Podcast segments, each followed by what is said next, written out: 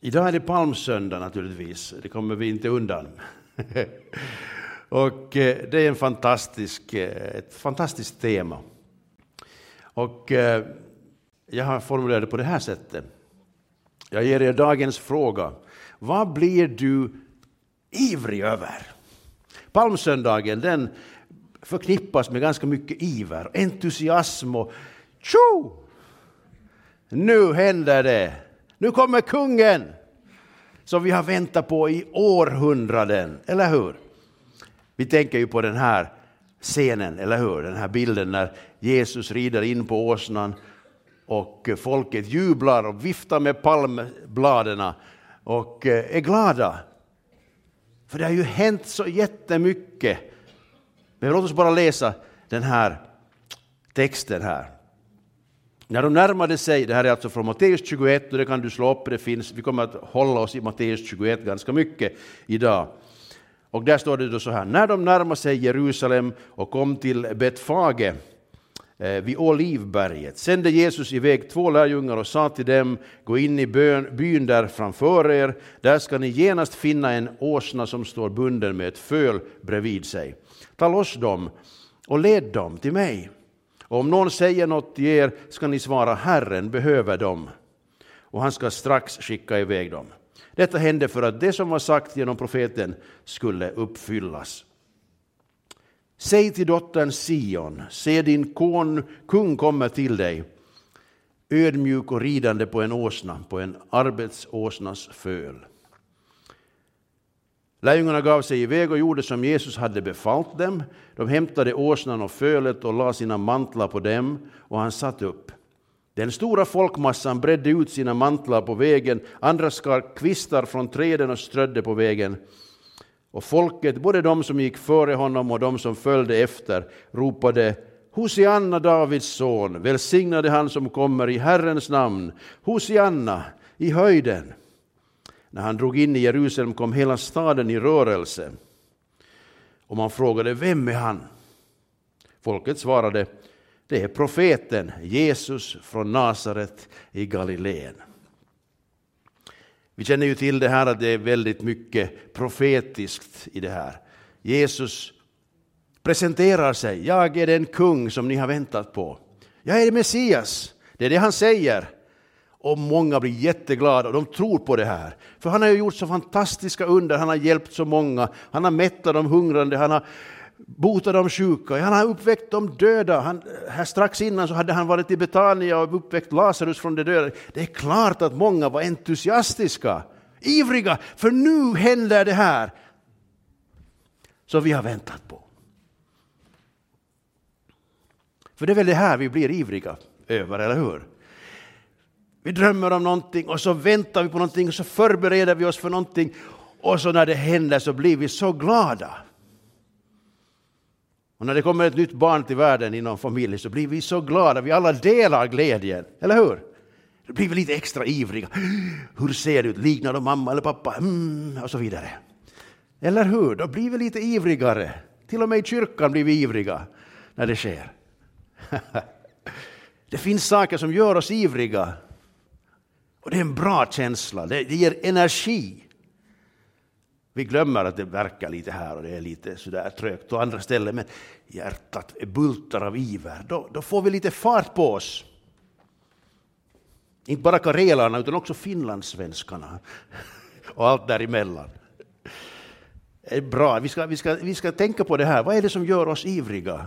För det ger oss energi.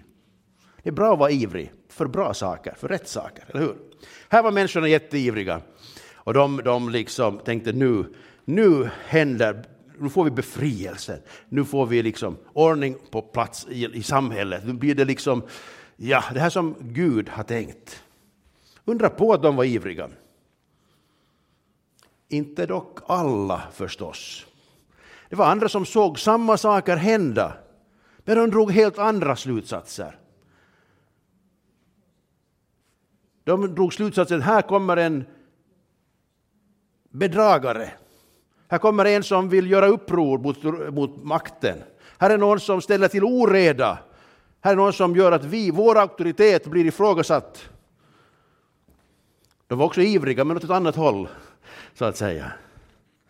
Okej. Okay. Jag tycker det är så fascinerande när Jesus, den här, hela den här, de här veckorna eller dagarna före det som vi sedan firar på påsken. Jesus han var väldigt aktiv på att göra saker som gjorde människor glada och ivriga, men också andra då väldigt provocerade och irriterade och arga.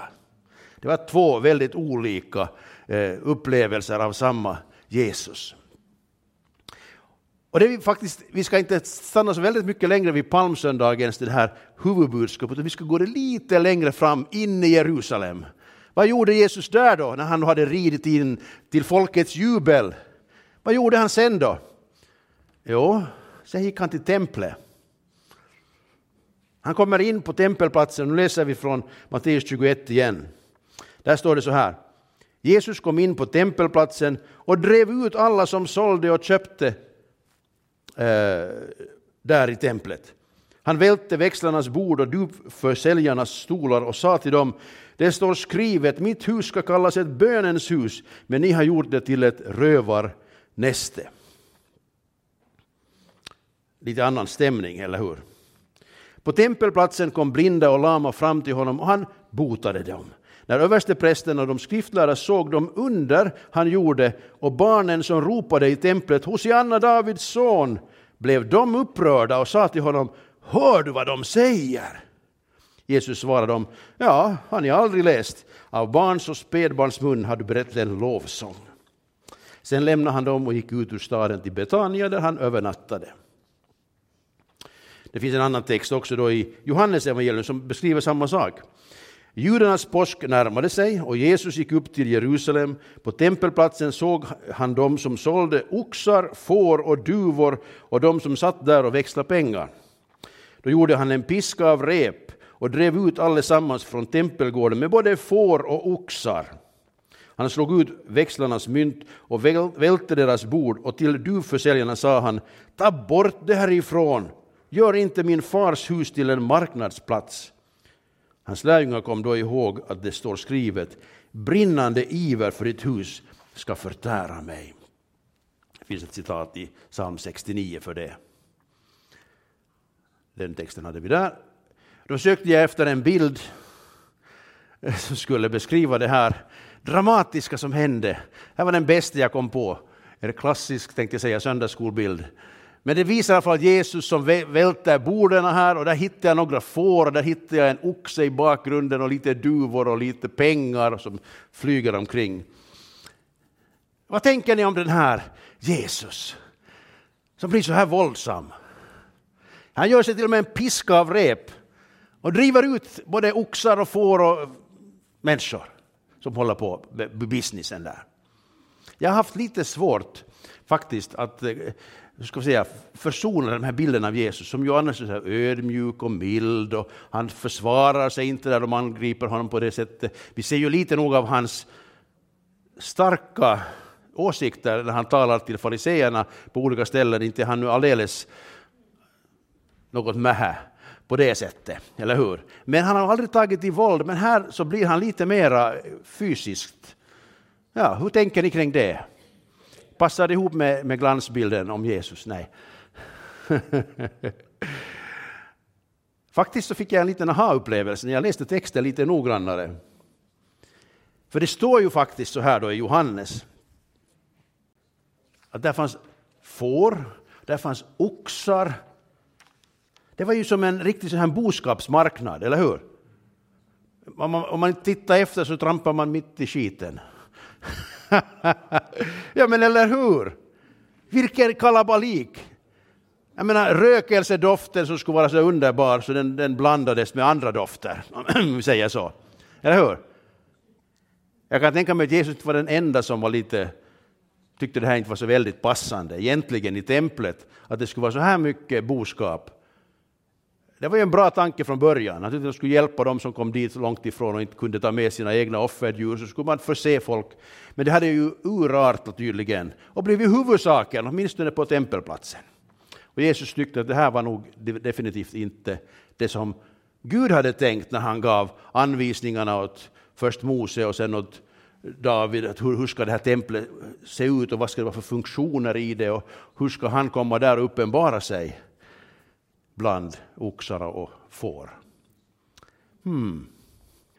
Jesus ivrade för sin faders hus.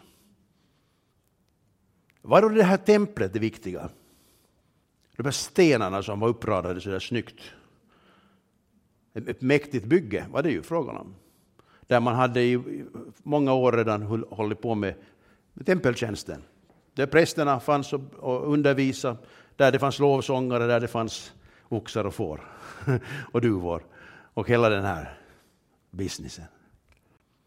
När han går därifrån, eller lite senare efter det, så säger han åt lärjungarna, titta på den här byggen nu, titta på de här stora stenarna, murarna här. Det här kommer inte att finnas kvar, det här kommer att försvinna, det kommer att rivas ner alltihop, varenda en. Vägg kommer att rivas ner. Och när han träffar kvinnan vid Sykars brunn i Samaria så säger han, eftersom judarna ville att man skulle tillbe Gud i Jerusalem och, och samarierna ville vara på, var det på Gerizimberget, att de här platserna var väldigt viktiga och de här konstruktionerna var väldigt viktiga. Så säger Jesus, ja det kommer en tid när det är varken där eller där, utan det är i hjärtat som tillbedjan sker.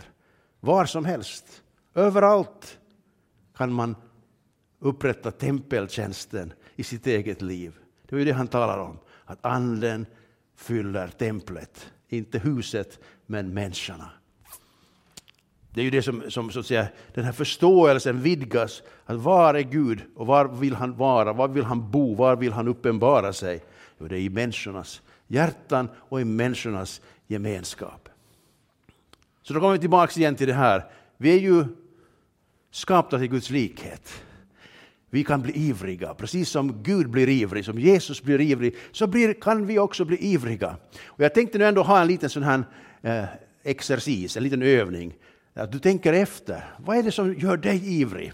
Och nu talar jag inte bara sånt om sånt eh, som vi sysslar med här i kyrkan kanske, utan i livet överhuvudtaget. När du går hem, vad är det som du blir sådär, yes vad roligt att få göra det här.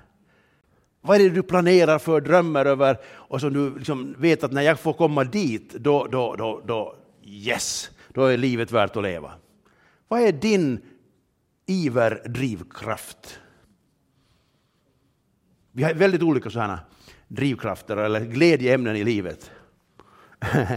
jag brukar alltid skämta om det med blommor.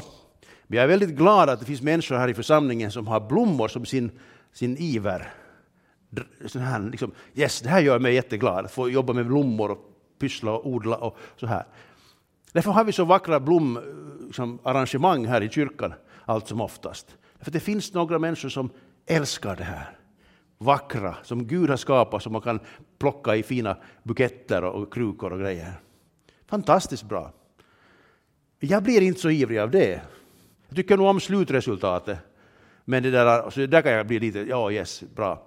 Men det ger inte mig energi. Äh, vad jobbigt, jag måste rensa i rabatterna. Nej, konkamylla, nej. Som min fru ofta ber mig göra. Men i alla fall. Så jag blir ivrig över andra saker. Och jag tänker så här att församlingen är ju en mosaik av många olika sorters intressen och förmågor och gåvor och iver. Och när vi slår ihop allt det här så blir det en fantastisk helhet. Då blir det en symfoni av allt vad Gud ger av kreativitet och energi. Det är därför vi behöver vara tillsammans, för att det ska bli mångsidigt, för att det ska bli lite omväxling och det ska bli många saker som Gud vill ge oss. Nåväl, jag har ändå några frågor kring det här. Kan det, så, kan det då vara så att ni kan bli ivriga över fel saker också? Tar vi bara den här bibelberättelsen om, om de glada människorna och de arga människorna kring Jesus, så var det helt klart att de var väldigt ivriga, de här fariseerna och översteprästerna, att göra någonting åt saken, för så här får det inte fortsätta. Och den ivern tycker jag vi känner igen också i samhället idag faktiskt. Det finns många människor som är ivriga att göra någonting, för det är inte bra som det är nu. Det här får det inte fortsätta. Och det, det, är en drivkraft det också. Och kan vara, ibland vara nödvändig naturligtvis för att få förändring till stånd. Men ofta är det mera drivet av att jag har ett behov att uttrycka min jobbiga känsla.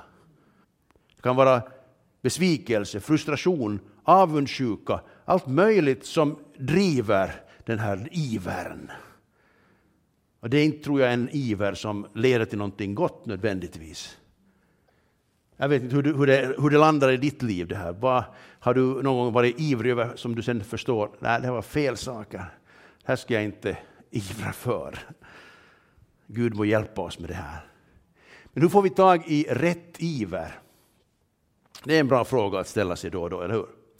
Sen kan man också fråga sig så här, att finns det någon koppling mellan det som du blir ivrig över, bra, bra iversaker, som också Jesus är ivrig över, som Gud ivrar för? Finns det någon koppling? Jag, jag vill gärna påstå nämligen att det finns alltid en koppling.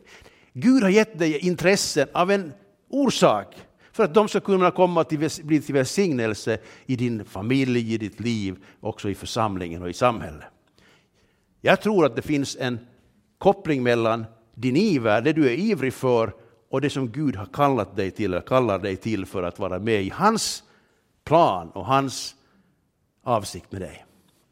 Så är frågan, kan vi liksom medvetet göra någonting åt den här saken? Att det som vi är intresserade av, det vi tycker är viktigt, kan vi liksom hitta det, placera in det i Guds rike?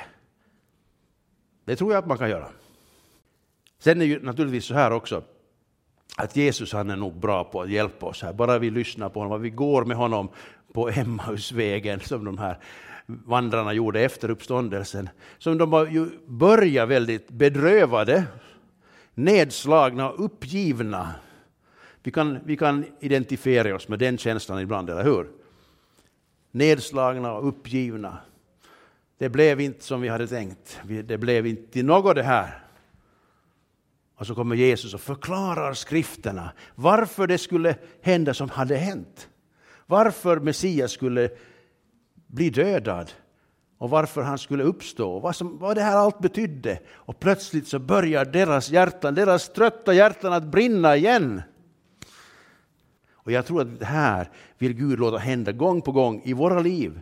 Att vi får höra vad Jesus säger, att ordet talar till oss och vi plötsligt börjar förstå sammanhanget att där jag är, är också Gud. Där gör Gud någonting som jag inte själv fixar och som inte jag förstod, men som han har planerat, som han har planerat.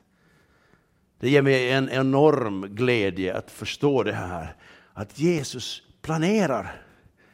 Det är inte jag som måste alltid planera allting, utan han har en egen plan. Och min utmaning är att koppla mig själv till hans plan. Då blir det bra. Nåja, vi ska ta ännu ett varv det här. Varför blev Jesus så arg? Och upprörd? Och, och eh, uttryckte det här så väldigt starkt. Då hittade jag några saker i den här texten som, som åtminstone för mig förklarar en del. Hans fars hus, alltså templet, som var tänkt att vara en mötesplats mellan Gud och människor. Det hade blivit en plats för business plats för att göra pengar. Och jag tänker så här, finns det, finns det sådana företeelser också i den kristna världen att det utnyttjas så att säga för att göra pengar? Tyvärr finns, ser vi också den, den liksom verksamheten på gång. Kanske inte så där väldigt konkret med oxar och får, men i alla fall, ni förstår vad jag, vad jag är ute efter här. En orsak varför han blev arg var ju att människorna som kom dit för att möta Gud, för att offra till Gud, för att tillbe Gud, de blev lurade på sina pengar. De betalade överpris. Och de blev distraherade bort från det som egentligen var templets syfte till att tänka, jaha, bara jag nu betalar, får de här offerdjuren, så då blir liksom min, min själ frälst. Och det var det ju inte frågan om. Jag säger att bönen kom av sig. Det var säkert många som bad, där ska säga att alla inte, ingen kunde be. Men jag tror att ganska många människor blev upptagna med de här yttre formerna istället för att i sitt hjärta verkligen rikta sig till Gud. För mötet med Gud förminskades till sådana yttre ritualer. Det blev så väldigt mycket fokus på de här olika duvorna. Hur många ska man köpa för vilka ungefär synder och, och så här. Tyvärr så förvanskades det som skulle vara ett möte med Gud till några yttre ritualer. Och framför allt tänker jag att i all den här kalabaliken, i alla de här lukterna, så var det svårt att höra vad Gud säger. Igen fanns det människor som absolut levde med Gud också i templet. Men för den stora massan så blev det distraktioner. Det är vad jag tänkte ur den här texten. Ni kan kanske hitta andra saker. Eh, men i alla fall, jag förstår i alla fall lite vad det var som liksom frustrerar Jesus med den här marknadsplatsen. Då blir det så väldigt intressant när vi då överför det här på vårt liv och på församlingens liv och på det som Nya Testamentet är väldigt tydlig med att undervisa om är att vi tillsammans utgör en gemenskap som Gud vill bo i. Till och med våra kroppar är, in, liksom, är liksom kallade att vara Guds tempel, den helige Andes tempel. Och då tänker jag att om Jesus var intresserad av vad som hände i det jordiska templet så är han lika mycket, eller ännu mer naturligtvis, intresserad av vad som händer i våra tempel. I vårt tempel. Hur ser vår tempeltjänst ut? Vad är det för ljud som hörs i vårt tempel? Vi kan läsa i Efesierbrevet 2 och 19. Därför är ni inte längre gäster och främlingar utan medborgare med de heliga och medlemmar i Guds familj.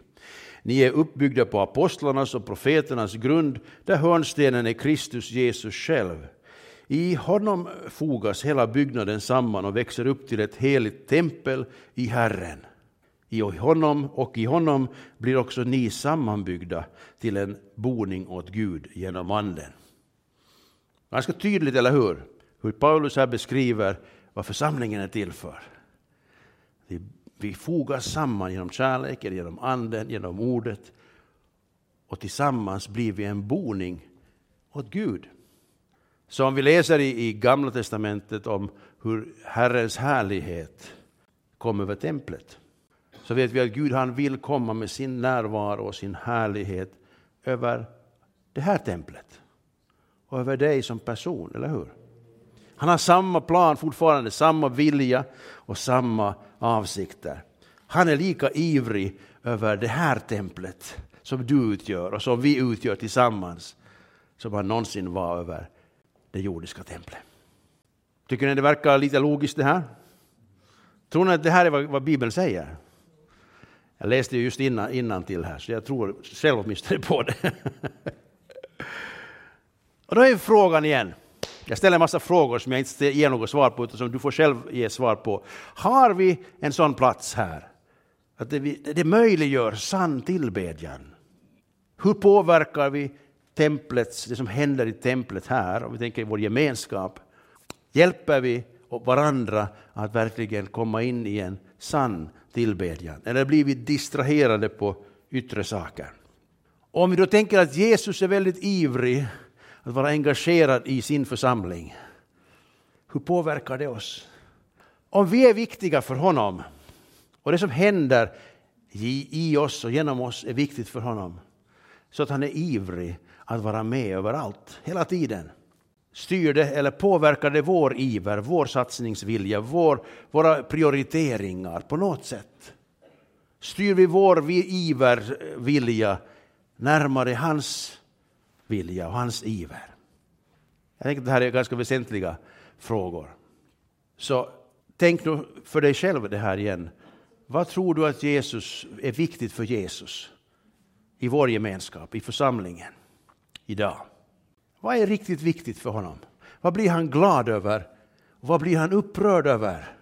När vi läser Uppenbarelseboken, de här breven till församlingarna, så var ju Jesus precis så här att han, han beskrev sådana fantastiska saker hos de här människorna som hade trott på honom och hade varit uthålliga i svåra förhållanden. Och så kom han också in och säger, ja men det här har jag emot dig, det här behöver du ta itu med, det här behöver du rätta till, det här behöver du jobba med. Du behöver också omvända dig ibland från vissa saker som du har varit inne på fel spår. Så på något sätt så finns det liksom de här två delade sakerna hela tiden. När Guds ljus faller över oss så märker vi fantastiskt vad Gud har gett oss och vad han vill fortsätta ge. Och så får vi jobba lite med restaureringen av olika saker. Så avslutningsvis här då, så har jag två förslag till bön som vi kan avsluta med här att dels när vi förstår att det här är faktiskt något som Gud har lagt i mitt liv som jag tycker här om, det här tycker jag om, det här tycker jag ger mig energi, det här är jätteroligt att få göra. Hur kan jag koppla den glädjen som våra blomvänner kopplar till att dekorera kyrkan? En fantastisk liksom, kanal för den här naturliga ivern och glädjen att kunna välsigna församlingen och Guds rike. Så det är bra. Mera blommor. Den andra bönen är då att hjälp mig också att förstå bättre vad du, alltså Jesus, är ivrig över och låt mitt hjärta börja brinna för det. Jag tror det här är en bön efter Guds hjärta. Han vill uppenbara sig och berätta för oss så att vi blir brinnande som Emmausvandrarna. Våra hjärtan blir påverkade av hans närvaro, av hans kraft, av hans, det han uppenbarar för oss. För det är klart att de här lärjungarna, de var ju ganska sådär förvirrade. Vad är det som händer? Varför händer det så här? Vad ska nu hända? Hur ska vi klara oss? Och den känslan kan vi identifiera oss med ibland, eller hur? Livet är ganska kaotiskt ibland och ibland är det svårt att förstå varför, varför någonting händer. Men eh, Jesus har en plan. Jesus har en plan och han för oss in i den planen bara vi säger ja till honom. Jag tror absolut att vi ska börja be aktivt att vi ytterligare får tag i hans, hur ska jag säga, det som han blir entusiastisk över. Gå den riktningen. Okej? Okay. Så du kan välja den ena eller den andra eller ingen eller båda. Gör som du vill, men låt oss be att Herren förökar vår iver på rätt saker, på hans saker. Vi ber. Tack Jesus för att du Herre har uppenbarat så mycket fantastiskt för oss. Tack för att det är viktigt för dig vad som händer i oss. Tack för att du bryr dig om vad som händer i templet. Tack för att du Herre vill rensa templet från all smuts och all, all orenhet. Och du vill föra in en sann tillbedjan och en glädje över din godhet, din härlighet, din närvaro, din kraft, ditt liv. Och nu ber jag Herre för var och en som är här idag, som lyssnar till det här.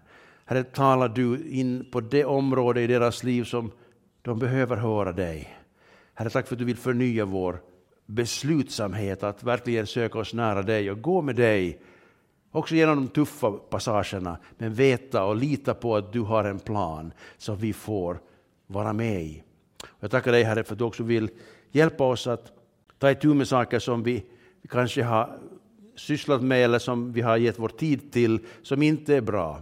Herre, jag tackar dig för att vi får be om Herre, din uppenbarelse, att du leder oss i rätt riktning mot det som du är ivrig för, det som du tycker är viktigt, det som är bra både för oss och för andra omkring oss.